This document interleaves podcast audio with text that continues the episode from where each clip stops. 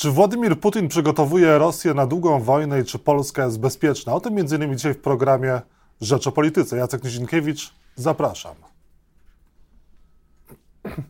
A Państwa i moim gościem jest prezydent Aleksander Kwaśniewski. Dzień dobry, panie prezydencie. Dzień dobry, witam serdecznie. Panie prezydencie, czy stosunek Zachodu do Putina e, mięknie i czy prezydent Rosji przygotowuje swój kraj na długą wojnę? Putin przygotowuje na długą wojnę, bo to będzie długa wojna. Yy, Rosja jest za słaba, żeby tą wojnę wygrać, a Ukraina, mimo pomocy Zachodu, jest niewystarczająco silna, również, żeby ją zakończyć. Więc musimy być przygotowani na to, że ta wojna na wyczerpanie będzie długo trwała. Yy, istotne, jak, jaka będzie zima, bo być może ta zima spowoduje, że obie strony yy, no jednak będą na tyle wyczerpane, że skłonność do jakichś rozmów będzie większa niż dzisiaj, ale tak czy inaczej to jest y, wojna na lata, y, na konflikt na pokolenia, bo to, co stało się między w wyniku agresji między Ukraińcami a Rosjanami, to jest, to jest poziom nienawiści, który będzie trzeba jakoś łagodzić przez, przez wiele pokoleń, jeżeli w ogóle się to uda. Czy Zachód mięknie? Nie wiem, na Zachodzie zawsze były mm, y, grupy, które chciały układać się z, z Rosją, najpierw ze Związkiem Radzieckim, później z Rosją. No nie wychodząc z takiego w sumie dość racjonalnego poglądu, że Rosja jest za duża, żeby ją nie zauważać, żeby ją z mapy wymazywać. Więc pewno takie tendencje będą, natomiast moim zdaniem one powinny spotykać się z twardą postawą tych realistów politycznych, do których zalicza się również Polska, która mówi wprost, że tak długo jak jest Putin, to imperialna polityka Rosji się nie zmieni, a po Putinie nie wiadomo, czy się zmieni. A więc ostrożność w relacjach z Rosją jest, jest konieczna, jeżeli chcemy mieć pewność, że oni nie będą kontynuować tej agresywnej polityki, że ona nie pójdzie dalej w stronę na przykład krajów bałtyckich, czy, czy w stronę już metodą hybrydową rozbijania Unii Europejskiej itd. Tak itd. Tak Więc y, rozumiejąc te tendencje, że dialog jest potrzebny, bo rzeczywiście jest potrzebny, no to jednak y, powrót do tej mm, naiwności w stosunkach z Rosją byłby katastrofalny. No tak, ale Emmanuel Macron już mówi o gwarancjach bezpieczeństwa dla Rosji, a Olaf Scholz i właśnie Macron chcą y, ponownie handlować z Rosją. Handlować to są, są przede wszystkim y, firmy, no bo dla nich rzeczywiście sytuacja jest dość dramatyczna. Kupowali stosunkowo tani gaz czy ropę z Rosji, dzisiaj muszą szukać zastępczych źródeł, które są droższe i tak dalej. Oni są pod naciskiem takich kół przemysłowych. Natomiast wydaje mi się, że i stanowisko amerykańskie, i, i, chyba jednak stanowisko istotnej części Europy będzie powściągać przed takimi próbami przedwczesnego dogadywania się z, z, z Rosją Putina. Bo mówię raz jeszcze, ta Rosja po Putinie może być jakąś otwartą kartą. Ja nie wierzę, żeby po Putinie Rosja stała się demokratyczna, no ale otworzy się jakieś niewielkie okno możliwości, żeby no, porozumieć się choćby w sprawie pokoju na Ukrainie, w sprawie zawieszenia walk, rozejmu. No ale na razie Putin twardo siedzi w siodle i nic nie wskazuje na to, że, że to się zmieni, więc to jakby było jak Putin, agresor, Putin zbrodniarz wojenny, Putin winny tysięcy ofiar, także ofiar cywilnych, no nie może być partnerem do, do, do poważnej rozmowy, już na pewno nie może być partnerem do jakiegoś, e, że tak powiem, naprawiania czy, czy ocieplania stosunków między Zachodem a Rosją. To byłby, jak mówię, niewybaczalny błąd ze strony czy Macrona, czy kogokolwiek innego. Pytanie, czy Polska jest bezpieczna? Dwóch obywateli e, polskich zginęło. E, i wiemy na ten temat więcej niż wiedzieliśmy na początku, a z drugiej strony też e, dowiadujemy się e, troszkę codziennie czegoś innego na temat. No jak chyba mam Próbujemy niemieckich ja, rakiet Patriot. Redaktora nie... Panie prezydencie. E, tu techniczne były kłopoty. Nie, tak. nie słyszałem o pytania. Pytałem o bezpieczeństwo Polski. Dwu, dwóch obywateli polskich zginęło od rakiety prawdopodobnie ukraińskiej, a z kolei my, e, polski rząd, e, sceptycznie wypowiadał się na temat e, niemieckich patriotów w Polsce. Ostatecznie one mają być nie, co, na Ukrainie. Czy Polska jest bezpieczna? No Polska jest mniej bezpieczna niż była. No Polska jest ciągle bezpieczna, dlatego że w 1999 roku weszliśmy do NATO. No i jako kraj natowski mamy to pomoc, mamy wojska amerykańskie tu na terytorium, mamy gwarancje wypowiadane wielokrotnie przez y, liderów NATO, że będą bronić każdego centymetra kwadratowego obszaru natowskiego, więc w tym sensie takim polityczno-strategicznym jesteśmy bezpieczni, no ale nie chroni to nas od zabłąkanej rakiety, jak widać, od której zginęło dwoje, dwóch niewinnych ludzi. Y, w sprawie patriotów ja powiem tyle. To jest historia niestety uwikłana w taką polity, obsesyjną politykę Jarosława Kaczyńskiego, antyniemiecką, w sytuacji, w której rzecz powinna być przyjęta z, z satysfakcją. Nawet jeżeli jest to gest, który Niemcy przewidują jako no, próbę poprawienia relacji z Polską, to też bym to przyjął y, otwarcie i myślę, że to, gdzie jesteśmy teraz, no to jest wreszcie taki powrót do racjonalności, która powinna być od samego początku tej sprawy. Y, ponieważ tu pokazało się bardzo wiele takich błędów profesjonalnych. Otóż y, te rakiety, ta, ta bateria patriotów powinna być w Polsce. Ona wzmocni naszą obronę przeciwlotniczą i to jest bardzo dobre. Y, ona powinna być. Powinniśmy prowadzić rozmowy z Niemcami, jak pomóc dalej Ukraińcom w obronie przeciwlotniczej, ale nie wysyłając tam żołnierzy, bo jedna z takich nieprzekraczalnych póki co zasad to jest taka, że żołnierze natowscy w działaniach na terytorium Ukrainy nie uczestniczą, a przypadku patriotów musieliby, bo, bo musieliby szkolić tych ukraińskich y, żołnierzy. Y, no, no i to wszystko powinno się odbyć w gabinetach ministrów obrony narodowej, ministrów spraw zagranicznych i zakończyć się sukcesem wszystkich, czyli sukcesem Niemców, sukcesem Polski, sukcesem, y, sukcesem Ukrainy, bo, bo będzie to w sumie wzmacniało jednak przede wszystkim nasze bezpieczeństwo. Dobrze, że na koniec, tak jak słyszałem ostatnio ministra Błaszczaka, te rozmowy się toczą, a więc coś z tego wyniknie, no ale cały ten kontredans, który obserwowaliśmy, no to jest dowód braku profesjonalizmu i obsesji Jarosława, antyniemieckiej obsesji Jarosława Kaczyńskiego, co samo w sobie jest, jest niedobre. No dobrze, ale y, problemów jest znacznie więcej. Okazuje się, że polski urzędnik, który szpiegował dla Rosji, teraz dopiero został zatrzymany. Wcześniej był członkiem Komisji Macierewicza do spraw WSI i miał dostęp do różnych y, tajemnic y, państwowych. No więc pytanie, właśnie o to bezpieczeństwo, o mechanizmy, y, które powinny zadziałać, a które nie zadziałały. No i y, pytanie o samego Antoniego Macierewicza, jak on weryfikuje swoich ludzi i o jego stosunek do Rosji. Wie pan, te sprawy powinny być wyjaśnione. Ja oglądałem wczoraj ten y, film, ten materiał. No on jest rzeczywiście bardzo poruszający, no bo jeżeli od lat w środowisku pisowskim najpierw w Urzędzie Kombatantów, później w Urzędzie Stołecznym u, Lech, u Lecha Kaczyńskiego, a później w Komisji Likwidacyjnej działa człowiek, który dzisiaj został zatrzymany za współpracę z, z Rosją, no to rzecz jest niezwykle poważna. Rzuca cień na różnych ludzi, którzy pomagali mu w tej drodze. E, bo to jest w sumie dosyć e, jakby no, oryginalne, że człowiek pracujący w Urzędzie Stanu Cywilnego nagle trafia do e, komisji likwidacyjnej w USI. No, więc widać, że tam jakieś sprężyny musiały działać. On z czyjegoś wsparcia korzystał. To wszystko powinno być wyjaśnione. Powinna być wyjaśniona w wielu kwestiach niejasna, nieczytelna rola Antoniego Macierewicza. Yy, ja nie jestem tym, który w 100% wierzy w, takie sensacyjne książki, jak choćby Tomasza Piątka o, o Macierewiczu, no ale uważam, że opinii publicznej w demokratycznym państwie wyjaśnienia tu się należą i mam nadzieję, że one będą. Tyle, że my nie jesteśmy do końca demokratycznym krajem. My jesteśmy krajem, gdzie mm, władza nadużywa swojej pozycji i wiele spraw, które powinny być znane dla opinii publicznej, są ukrywane, a te, które są, mają być wykorzystane przez władzę, no są w sposób sztuczny rozdmuchiwane, jak chociażby ta komisja specjalna do spraw polityki energetycznej rządów y, Platformy. Więc y, y, wie pan, gdyby to się wydarzyło, gdyby taki materiał został nadany w Szwecji, czy w Danii, czy w Finlandii, nie chcę mówić o, o innych krajach, to byłbym pewny, że wywołałby to wielki szum i poważną dyskusję i, i, i działania i służb śledczych, i także komisji parlamentarnych.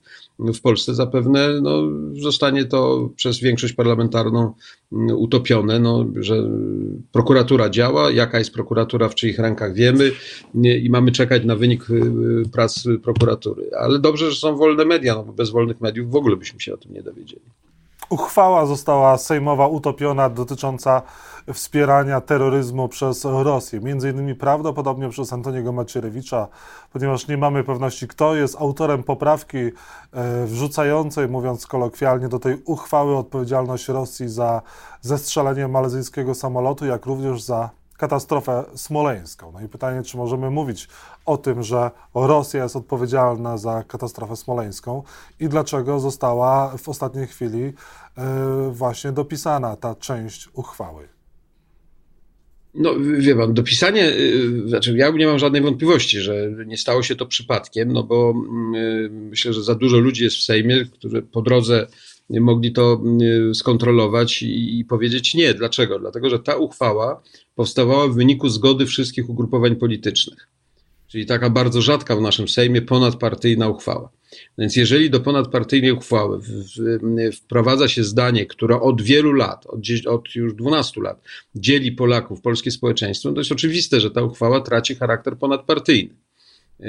No bo to, to trochę już żartując, można było na tej zasadzie dodać, e, że wszystko jest tak winą Tuska. No to wiadomo przecież, że w ten sposób konsensusu by się nie, nie, nie, nie uzyskało. Więc e, w moim przekonaniu było to działanie świadome, które miało na celu spowodować, że polski Sejm takiej uchwały nie przyjmie.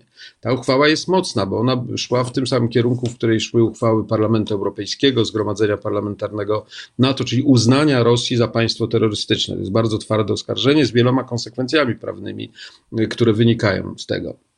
Więc nieprzyjęcie przez Polskę y, no było jakby obiektywnie zmniejszeniem tych problemów rosyjskich. Nie mówię, że ich zlikwidowaniem, bo one ciągle są. E, I, i, I, dobre pytanie, na które warto byłoby odpowiedzieć, no kto właśnie stał za tą poprawką, bo nie wierzę, żeby to było e, nieszczęśliwy wypadek, czy jakby, jakby chwila zaćmienia, e, to, to musiało mieć jakiś cel, a tym celem mogło być tylko doprowadzenie do tego, że ta ustawa, że ta uchwała po prostu przez Sejm nie przechodzi. No ale raz jeszcze podkreślam, tu możemy liczyć tylko na dziennikarzy, bo większość parlamentarna robi wszystko, żeby tego typu sprawy nie znajdowały normalnej, proceduralnej drogi, którą Sejm przewiduje. W Sejmie po to są komisje, żeby takie rzeczy wyjaśniać, po to są możliwe są komisje specjalne do stworzenia, tylko że, jak mówię, jeżeli one nie, nie, nie, choć trochę zagrażają władzy, czy pokazują tą kuchnię władzy, no to są wtedy natychmiast topione z całą mocą przez, przez rządzących. No właśnie, panie prezydencie, wspomniał pan wcześniej o komisji weryfikacyjnej w sprawie polityki energetycznej. Tego chce Prawo i Sprawiedliwość.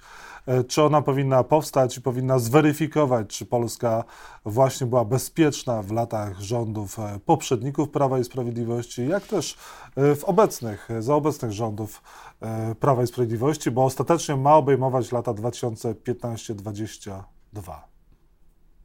Wie pan, no, w ogóle moim zdaniem y, tworzenie w Sejmie komisji, nazwijmy to historycznych, y, ma ograniczony sens, bo akurat gdy chodzi o wszystko, co dotyczy kontraktów energetycznych podpisywanych w tym okresie, no to mamy pełną wiedzę. To, to, to, to żaden z tych kontraktów nie jest tajny. Gdyby się ukazał jakiś na przykład tajny aneks, którego nie znaliśmy, no to wtedy jest sens powoływania komisji, ale ponieważ wszystkie dokumenty są jawne, no to one mogą podlegać takiej codziennej, że tak powiem, analizie. Komisja do tego jest niepotrzebna. No ale przecież inny cel jest tej komisji.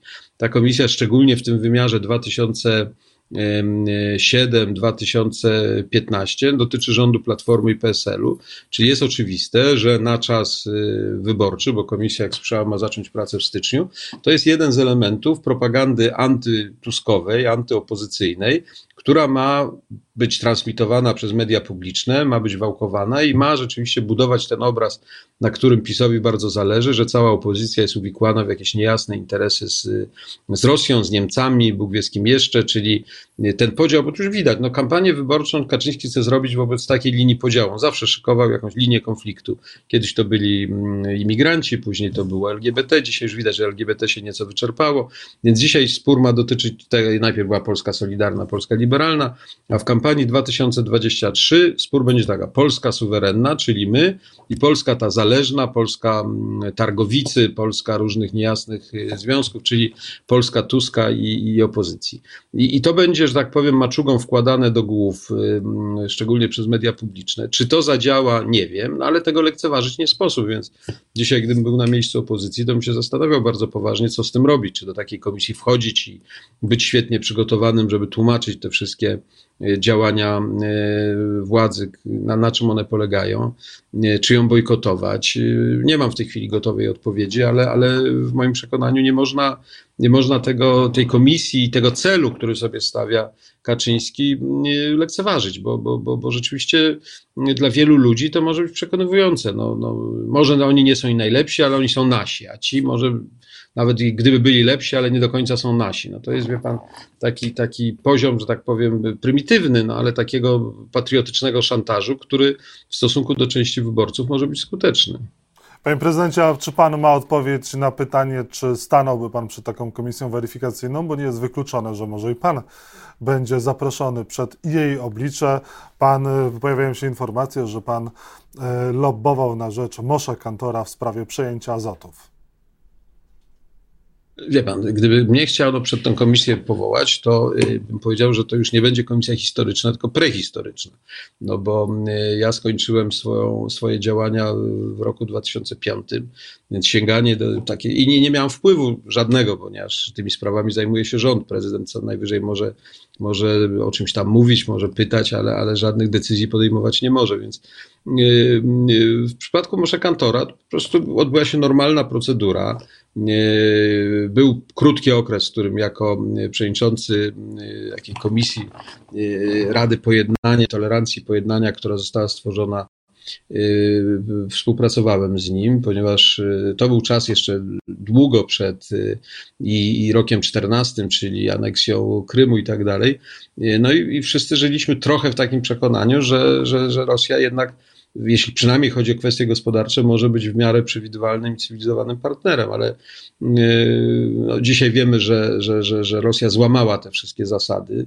Nie mówię, że w tamtym okresie nie była, bo, bo w wielu kwestiach była normalnym partnerem i wywiązała się ze swoich umów. No ale jeżeli by komisja chciała o takiej prehistorii rozmawiać, to proszę bardzo, no ale Czyli stanie pan przed komisją, a nawet zatańczy, jak będzie. Nie, nie, nie, wiem, czy stanę, wie pan, nie wiem, ja zobaczę, jak ta komisja będzie wyglądała. Znaczy, po pierwsze, nie mam żadnego na razie nawet śladu. Pan jest pierwszy, który mnie chce w, przed tą komisją widzieć, więc y, y, zostawmy też tutaj inicjatywę samej komisji, zobaczymy, jak ona będzie wyglądać, na czym to polega, ale ja w tej sprawie nie mam jakichkolwiek wyrzutów sumienia i, i wszystkie informacje, zresztą niewiele ich mam, ale te, które mam, już sam kiedyś wypowiedziałem je w jakichś rozmowach, ale mogę je powtórzyć raz jeszcze. Panie prezydencie, to sięgnijmy jeszcze bardziej do pre prehistorycznych czasów. Pan w czasach bardzo przeszłych był ministrem sportu. Czy uważa pan, że te 30 milionów należałoby przeznaczyć na polskich piłkarzy i co premier e, Morawiecki w tej sprawie miał do powiedzenia, bo zmieniał tak naprawdę cały czas e, swoje zdanie i czy przypadkiem tutaj premier Mateusz Morawiecki się nie zakiwał, a może pan by przeznaczył 30 milionów na sportowców? Nie, wie pan, za moich czasów to, są, to były kwoty całkowicie niewyobrażalne, to raz. E, dwa, ja mam taką y, prośbę, bo słyszałem nawet jak premier zaczął się wycofywać, z tego mówi, że nie będzie tam nagród z pieniędzy rządowych. Otóż mnie się krew burzy, jak ja słyszę o pieniądzach rządowych. To nie są pieniądze rządowe, ani nie są pieniądze y, samorządowe, ani żadne. To są pieniądze podatników. My powinniśmy zacząć, i to też mój apel do dziennikarzy, żeby coraz częściej mówić wprost o pieniądzach podatników. To nie pieniądze, co to znaczy pieniądze budżetowe? To są pieniądze podatników. Co to są pieniądze samorządowe? To są pieniądze podatników. Premier Morawiecki nie ma pieniędzy rządowych, on ma pieniądze podatników, które zgodnie z procedurą demokratycznego kraju zostały powierzone rządowi do mm, wydawania. E, I, I, w moim przekonaniu jego propozycja, która wynikała pewno z chęci takiego no, sympatycznego zakończenia wieczoru, bo to się odbywało tuż przed wyjazdem, kolacja i tak dalej. Premier chciał być miły, mówi: No, chłopaki, wyjdziecie z grupy, to ja tu dam dobrą nagrodę i tak dalej. No, zaczęły się żarty, jaka tam być nagroda. Nie wiem, do jakiej kwoty tam doszli. Może 30, ktoś mówi 50 milionów, ale to wszystko jest po prostu nieprawne. Yy, absolutnie chciejskie yy, i niezgodne nawet z przyzwoit, znaczy przeciw jakiej zasadom przyzwoitości.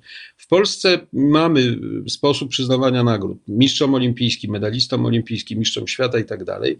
Te nagrody są przyznawane przez odpowiednie organizacje, Komitet Olimpijski dla Olimpijczyków, związki sportowe dla sportowców.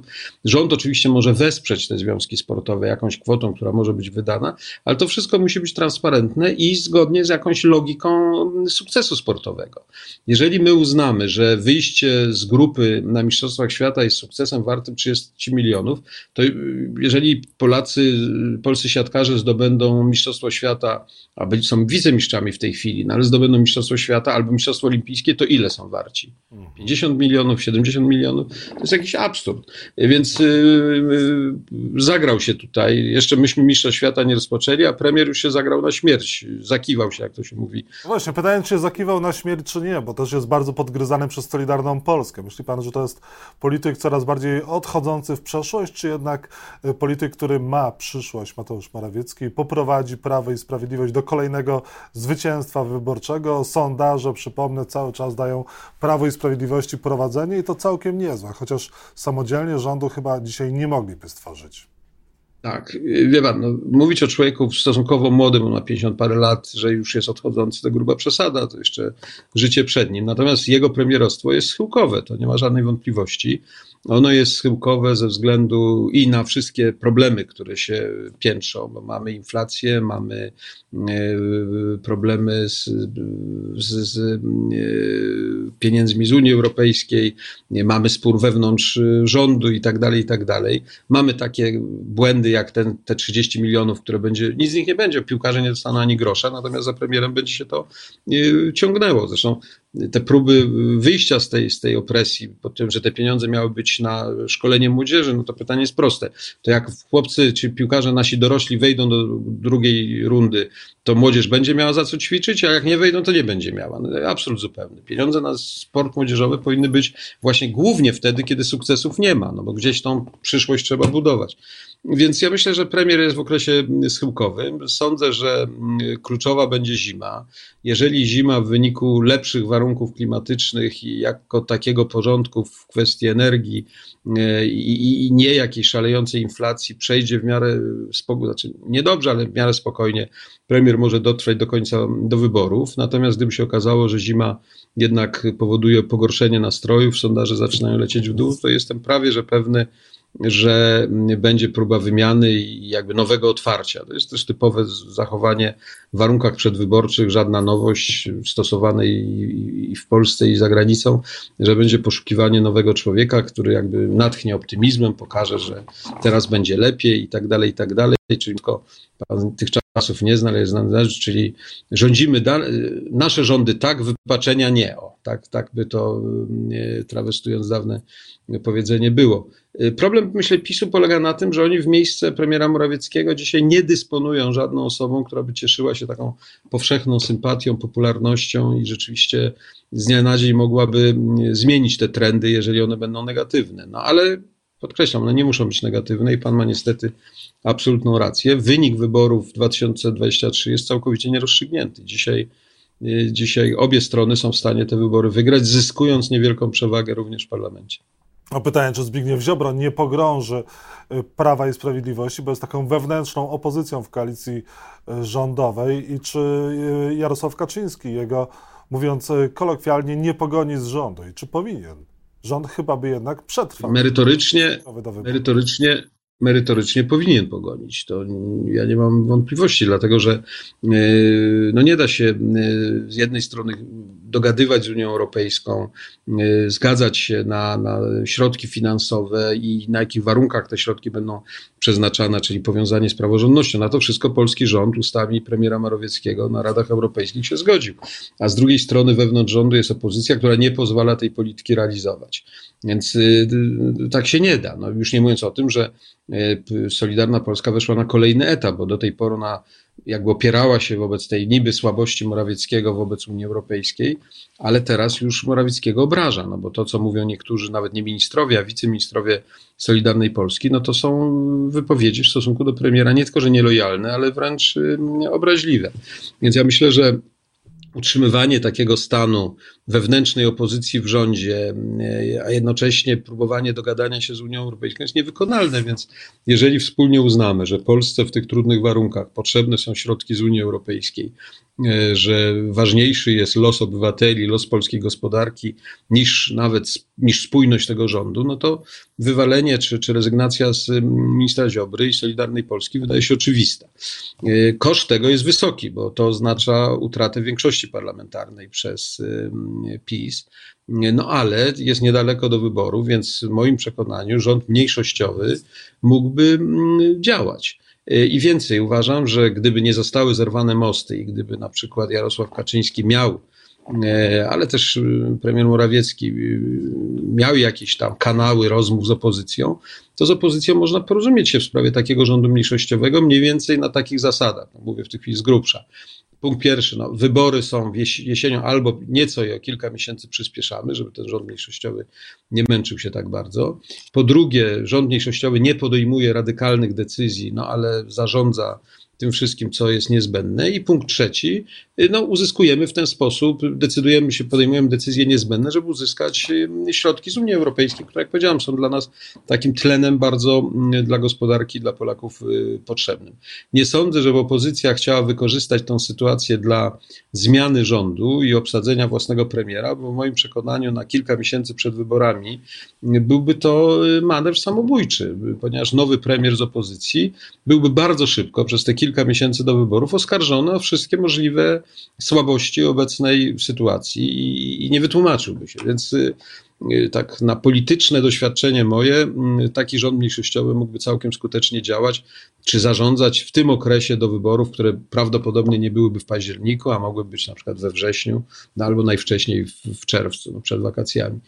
Y, ale wie pan, u nas brakuje dialogu politycznego, więc nikt się tu nie będzie dogadywał i w gruncie rzeczy wy możecie być z tego dumni, że między partiami politycznymi, między rządem a opozycją dialog się odbywa w waszych programach. Także wy jesteście niezwykle potrzebnym medium, bo bez tego normalnej polityki w Polsce nikt nie uprawia. Dlatego jeszcze dwa ostatnie pytania na koniec odnośnie tego dialogu między opozycją a partią rządzącą. Jarosław Kaczyński nie wyklucza debaty z Donaldem Tuskiem. Pan był chyba ostatnim debatującym z Jarosławem Kaczyńskim. Myśli pan, że do tego dojdzie, czy to jest jakaś zasłona dymna?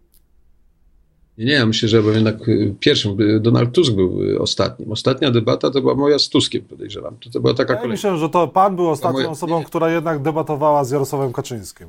Nie, nie, nie, to proszę mi wierzyć, ja w tym brałem udział. Pierwsza debata była moja z Kaczyńskim w 2007 roku, później była jego z Tuskiem, ta słynna, i później moja z Tuskiem. Czy Jarosław Kaczyński się na to zdecyduje? No ciekawy jestem. Jest pod pewną presją, bo e, jakby jest też oczekiwanie społeczne. Myślę, że także zwolennicy PiSu chcieliby bardzo widzieć taką rozmowę, w której prezes Kaczyński drobny mak rozbija Donalda Tuska. No, myślę, że ta pamięć o tamtej debacie u Jarosława Kaczyńskiego jest silna, więc nie pali się, jak widać. No ale zobaczymy. Ja patrzę na to. Na razie to jest jakby trochę gra pozorów, ale czasami z tych pozorów wychodzą całkiem konkretne rzeczy. Panie prezydencie, na, na koniec, dzisiaj mija 5 lat, jak Beata Szydło złożyła rezygnację z funkcji premiera. Myśli pan, że to jest przyszła kandydatka Prawa i Sprawiedliwości na prezydenta Polski? Widzi pan ją w Pałacu Prezydenckim? Wyborcy zdecydują, ale, ale to jest prawdopodobna kandydatura. Ja myślę, że mm, PiS y, po, będzie szukał kandydatury wśród kobiet też, żeby tak trochę y, y, poszukiwać drogi do tego w dużej mierze utraconego elektoratu przez, przez PiS, bo wydaje mi się, ostatnie decyzje spowodowały, że istotna część kobiet, także tych myślących bardziej centroprawicowo, jest do PiSu mocno zniechęcona. Czy Beata Szydło jest w stanie te panie odzyskać, nie wiem, ale moja prognoza jest taka, że e, bój o nominację prezydencką w e, PiSie odbędzie się między panią marszałek Witek, a panią byłą premier Beatą Szydło. Aleksander Kwaśniewski. Prognoza. Aleksander Kwaśniewski, były prezydent Polski. Bardzo panu dziękuję za rozmowę i dobrego dnia. Dziękuję i życzę wszystkiego dobrego. Dziękuję.